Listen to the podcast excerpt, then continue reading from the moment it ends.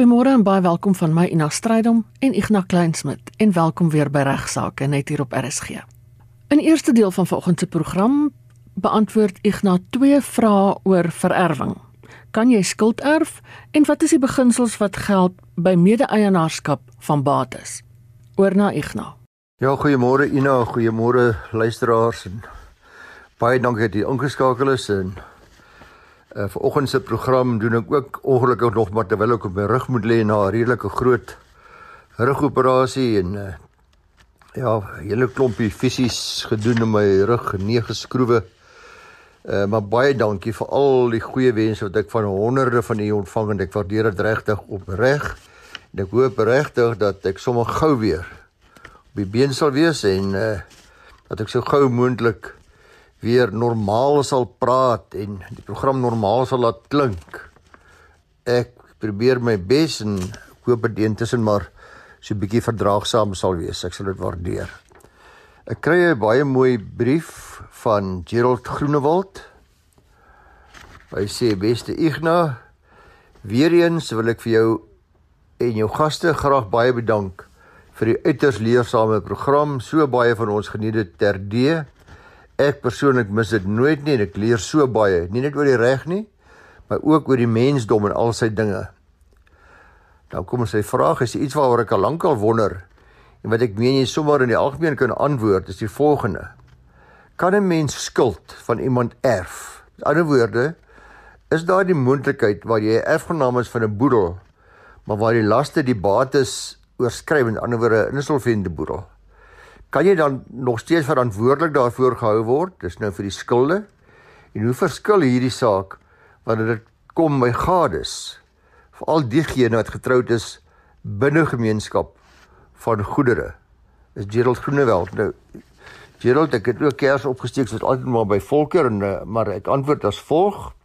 En die goeie nuus is gelukkig vir erfgename hoef hulle nooit as 'n boedel uh, insolvent is in te betaal nie. So hulle erf nie regtig skuld nie. Hulle hoef geen tekort op die skuldeisers se eise deur die boedel te dek nie, waar dis nou waar die laste die bates oorskry nie. 'n Mens erf dus in hierdie sin nie die skuld van die oorledene nie. In ons reg werk dit soos volg: as die boedel insolvent is, is nou bankrot is, dan gaan al die bates van die boedel te gelde gemaak word onder die skuldeisers verdeel word.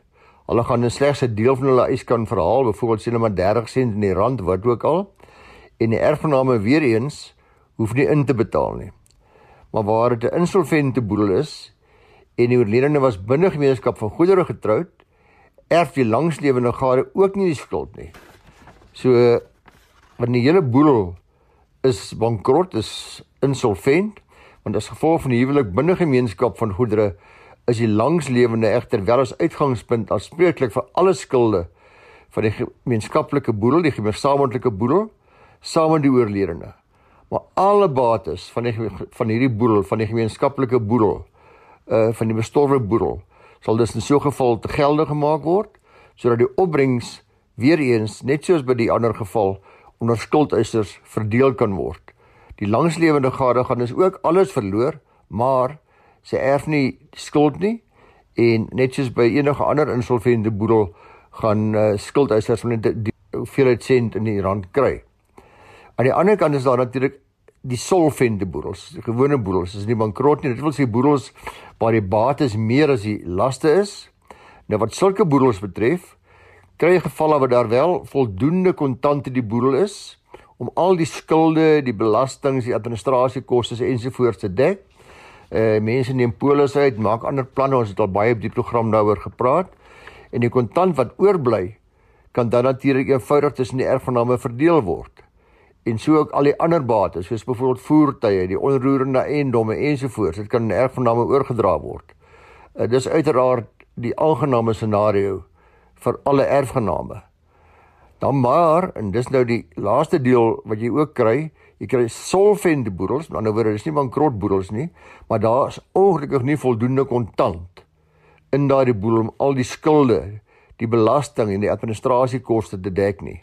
In so 'n geval moet die erfgename die kontante kort inbetaal uh of andersins is daar geen keuse dan moet die uh, eksekuteur maar 'n bate of bates eers verkoop sodat die opbrengs gebruik kan word om die kontanttekort te dek. Maar om kortliks jou vraag te antwoord, uh, Gerald soos jy nou reeds gehoor het, kan ek uh, is daar 'n moontlikheid waar jy as erfgenaam van 'n boedel skuld kan erf? Nee. As geen manier nie, mense erf nie skuld nie.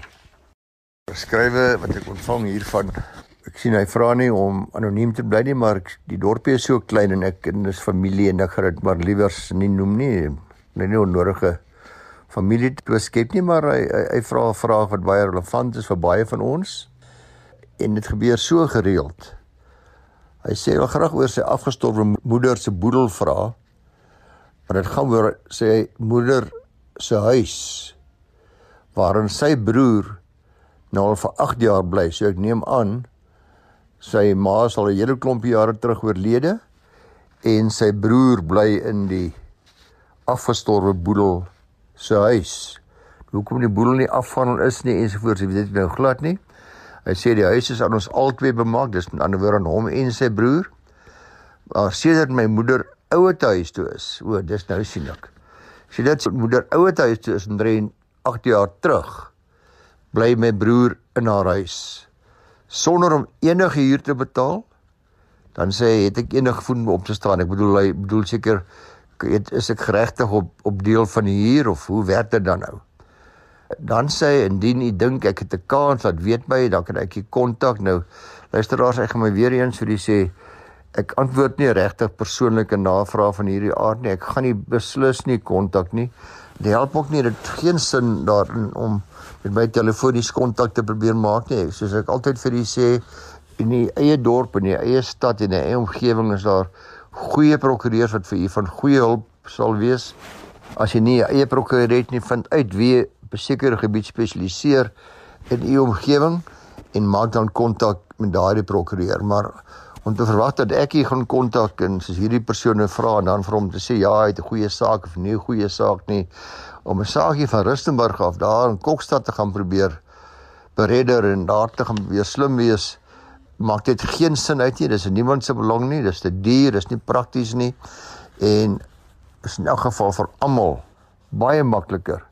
Uh want hier is ook die tipe saak terwyl dit ek glo nooit in hof behoort te eindig nie en wat geskik behoort te word en daarvoor gesprekke nodig met mense wat om 'n tafel gaan sit en oor 'n koppie koffie hierdie ding behoorlik uitpraat. Want ons praat hier van bloed, bloedfamilie, broers. Nou die mede-eienaar van enige bate Dit weet u wat luisteraars is nou almal baie goed. Dit mens natuurlik as 'n uitgangspunt geregtig op 'n gelyke voordeel van daardie bate. En hoor ek en jy 'n eh, appel saam, elkeen van ons is geregtig om die helfte van daai appel te eet. Daardie beginsel is natuurlik ook van toepassing op hierdie ene. Ons het saam die huis geërf. En albei van ons is 'n gelyke dele geregtig op die voordele of die vrugte of die opbrengs van dit wat ons geërf het. As albei broers dis nou nie sinvol die huis kan bewoon nie, net een broer kan die huis bewoon en benut, dan maak dit sin uit om te sê goed broer, broer uh, ek het my eie huis, maar jy kan ma se huis gaan woon as jy wil. En die een wat dit dan wel doen, moet natuurlik dan hier geld en allerheen betaal. En daai huurgeld is gebaseer op die redelike en billike huurwaarde van die eiendom.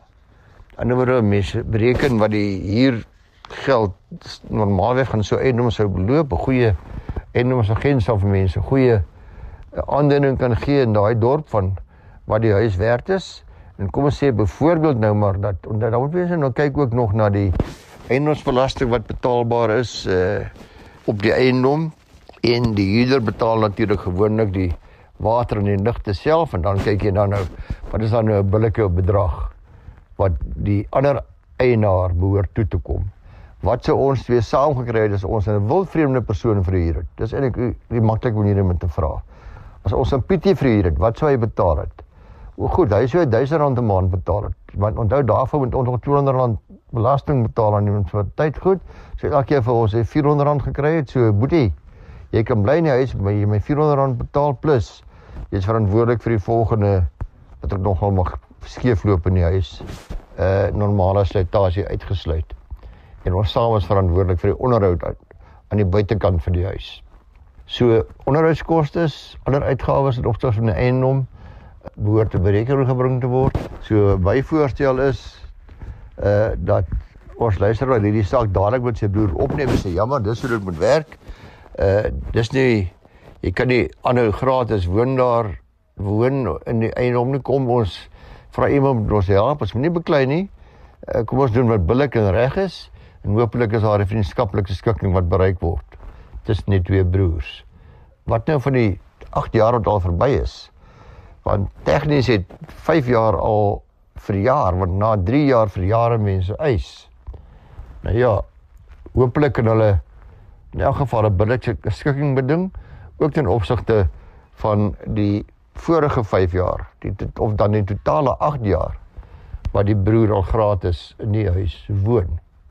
En hier moet 'n billike benadering vanaf albei kante geopenbaar word. As dit nie werk nie, dan begin mens van howe praat.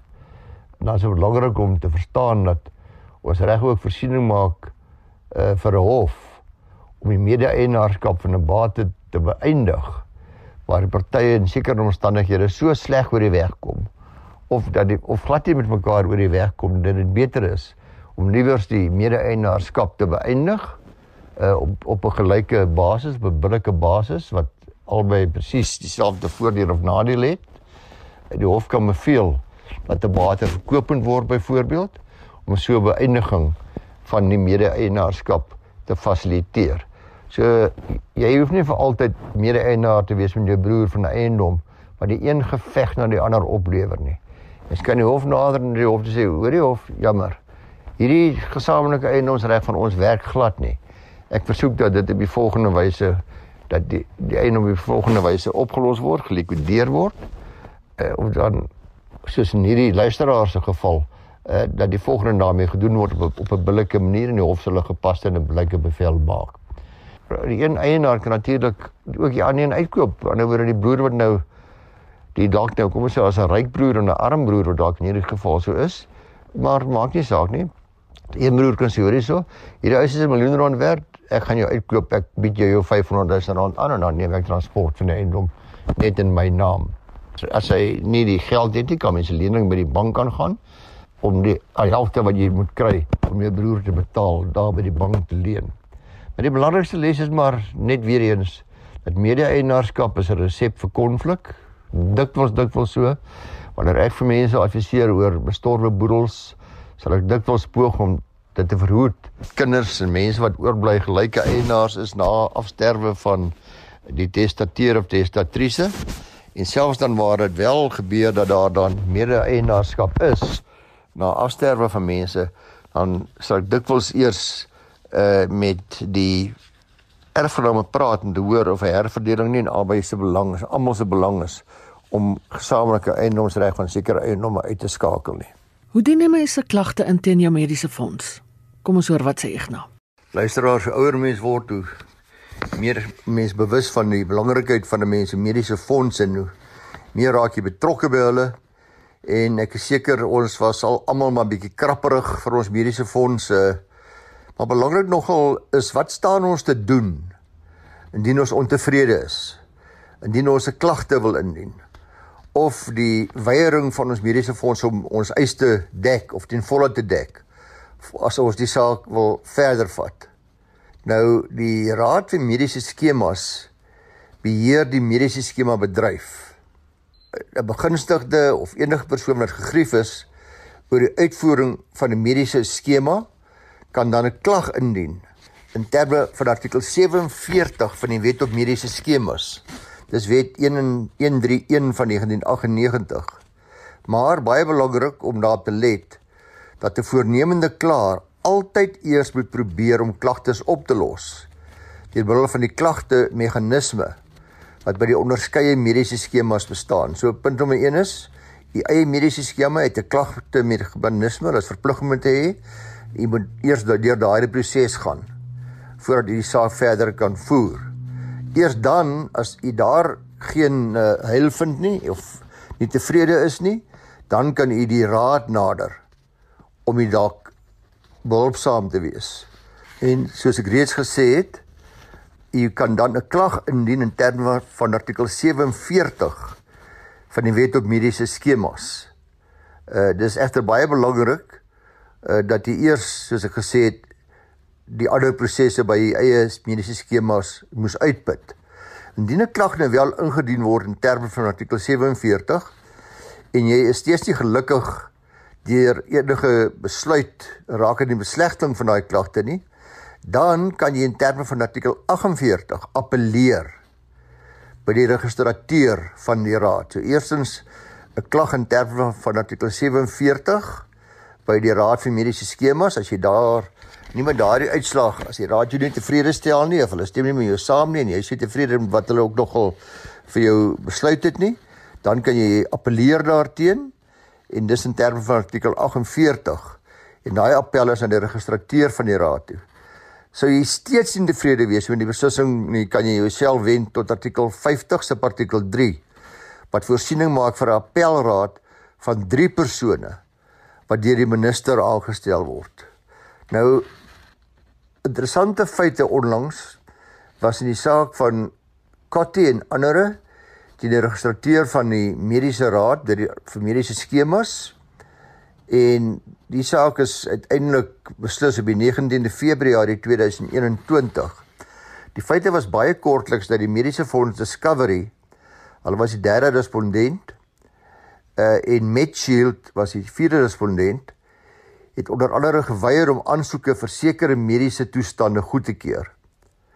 Nou klagtes wat verwys is uh na die registrateur van die Raad vir Mediese Skemas. Dis die eerste respondent in hierdie geval is deur die registrateur uh, van die hand gewys. Die applikant het soos ek vir gesê het, hy mag dan nog geappeleer daarteen na die appelkomitee van die raad in terme van artikel 48. En in hierdie geval was die appelkomitee gunstig teenoor die applikante. Maar dit het weer daartoe gelei dat Discovery en Medshield op hulle beurt hulle gewend het tot artikel 53. Dis die artikel wat ek vir u gesê het Eh, wat voorsiening maak vir 'n appel na die appelraad toe.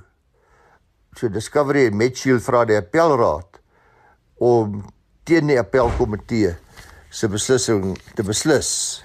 'n Belangrike vraag voor die raad was is of die indiening van 'n appel in gevolge artikel 50 se artikel 3 van die wet die besluit dat die registrateur in terme van artikel 48 gemaak het of dit opskort hangende besluit deur die appelraad. So dis wat gebeur nou intussen.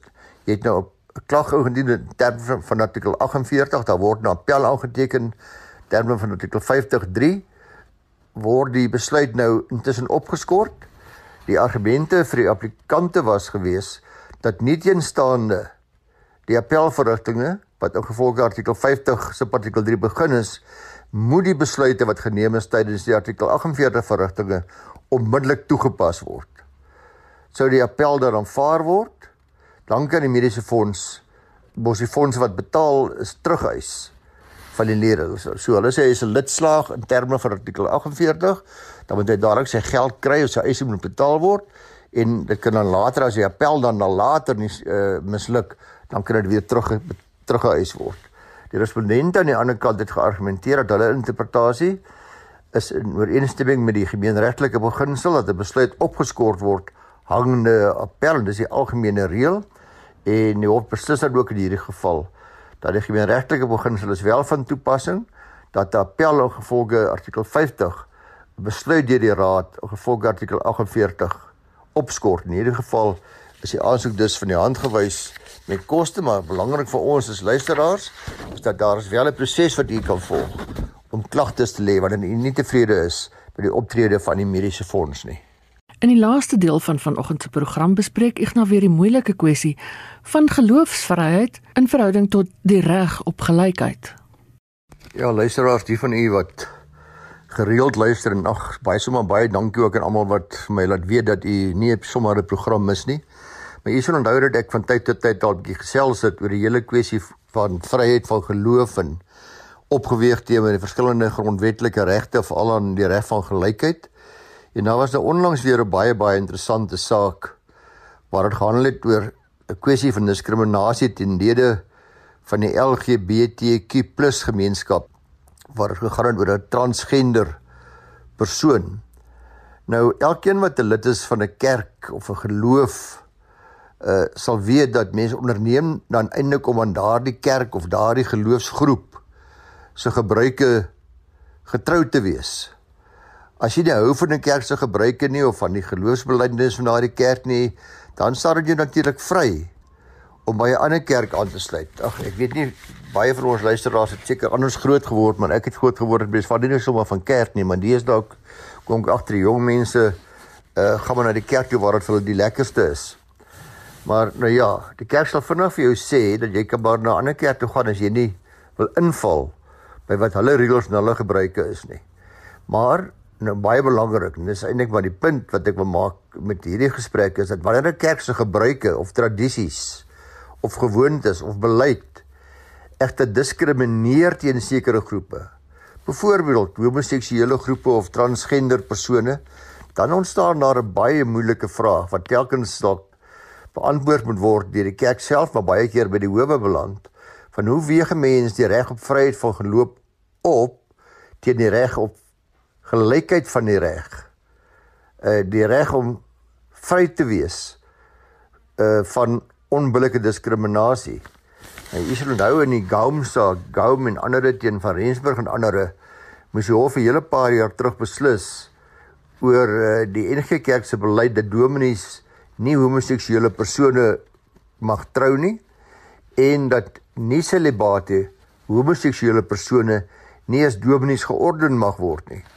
In hierdie saak het die hof opgemerk dat die diskriminasie teen lede van die LGBTQ+ gemeenskap die boodskap oordra dat hierdie persone nie die inherente waardigheid het wat elke persoon deur die grondwet gewaarborg word nie. Nou luisteraars, die die hele kwessie van diskriminasie teen lede van hierdie van die die transgender gemeenskap uh, deur kerke het baie onlangs weer baie groot nuus gemaak en was baie opspraakwekkend die hele kwessie van die gelykheidshof se uitspraak uh toe hulle 600 000 rand genoegdoening toegestaan het aan ene min Dlofu. Dit het gebeur nadat sy deur die kerkleiers in haar kerk waar sy behoort het geforseer was om te ontklee in 'n openbare badkamer waar hulle haar geslagsdele ondersoek het om te bepaal of sy nou werklik 'n vrou is al dan nie. Nou Minne Glowo is 'n transgender vrou wat 'n lid van hierdie kerk was sedert 2013. Dit was omtrent die jaar na haar geslagsveranderingsoperasie wat in 2012 plaasgevind het en sy het in 2015 verloof geraak en na haar verloving het die kerkleier toe besluit om haar geslag te bevraagteken en is sy geforseer om te ontklee sodat hulle haar geslag kon self uh, besigtig en kon bevestig. Nou hierdie sogenaamde geslagsondersoek was uh, teen haar sin gedoen, teen haar wil en daarna het haar uh, verloofde dan ook die verloving verbreek. Nou meneer Glowe het die klag teen die kerk nou gemaak by, by die gelykheidshof en die kerk het uh, die saak glad nie verdedig nie. Uiteindelik het die hof in die aanwesigheid van die kerk 600 000 rand genoegdoening aan meneer Glowe toegestaan. Uh die kerk was ook beveel om haar regskoste te betaal en toe te sien daartoe dat 'n senior leier van die kerk onvoorwaardelik om verskoning aan haar vra Dit moes gebeur het beide skriftelik as ook mondelings. Nou, aangesien daar geen verweer van die kerk vir die hof was nie, is dit natuurlik nie vir ons duidelik op watter basis die kerk van mening was dat hulle geregtig was om 'n uh, vrou te kon forceer om te ontklee in openbare badkamers sodat hulle dan nou 'n geslagsondersoek kon doen nie. Uh mense kan maar seker net spekuleer dat uh, dit dalk die kerk geregverdig was op grond van tradisie of gebruik of geloof alhoewel elkeen soos u nou reeds weet geregtig is op vryheid van geloof maar is belangrik to, om te onthou luisteraars dat hierdie reg nie ander kan ontneem van sy of haar menseregte soos byvoorbeeld die reg op gelykheid en menswaardigheid nie In hierdie geval is die kerk dan ook deeglik geroskam deur die gelykheidshof. Dis dan al vir vandag. Van my Ina Strydom en Ignas Kleinsmid. Groete tot volgende week.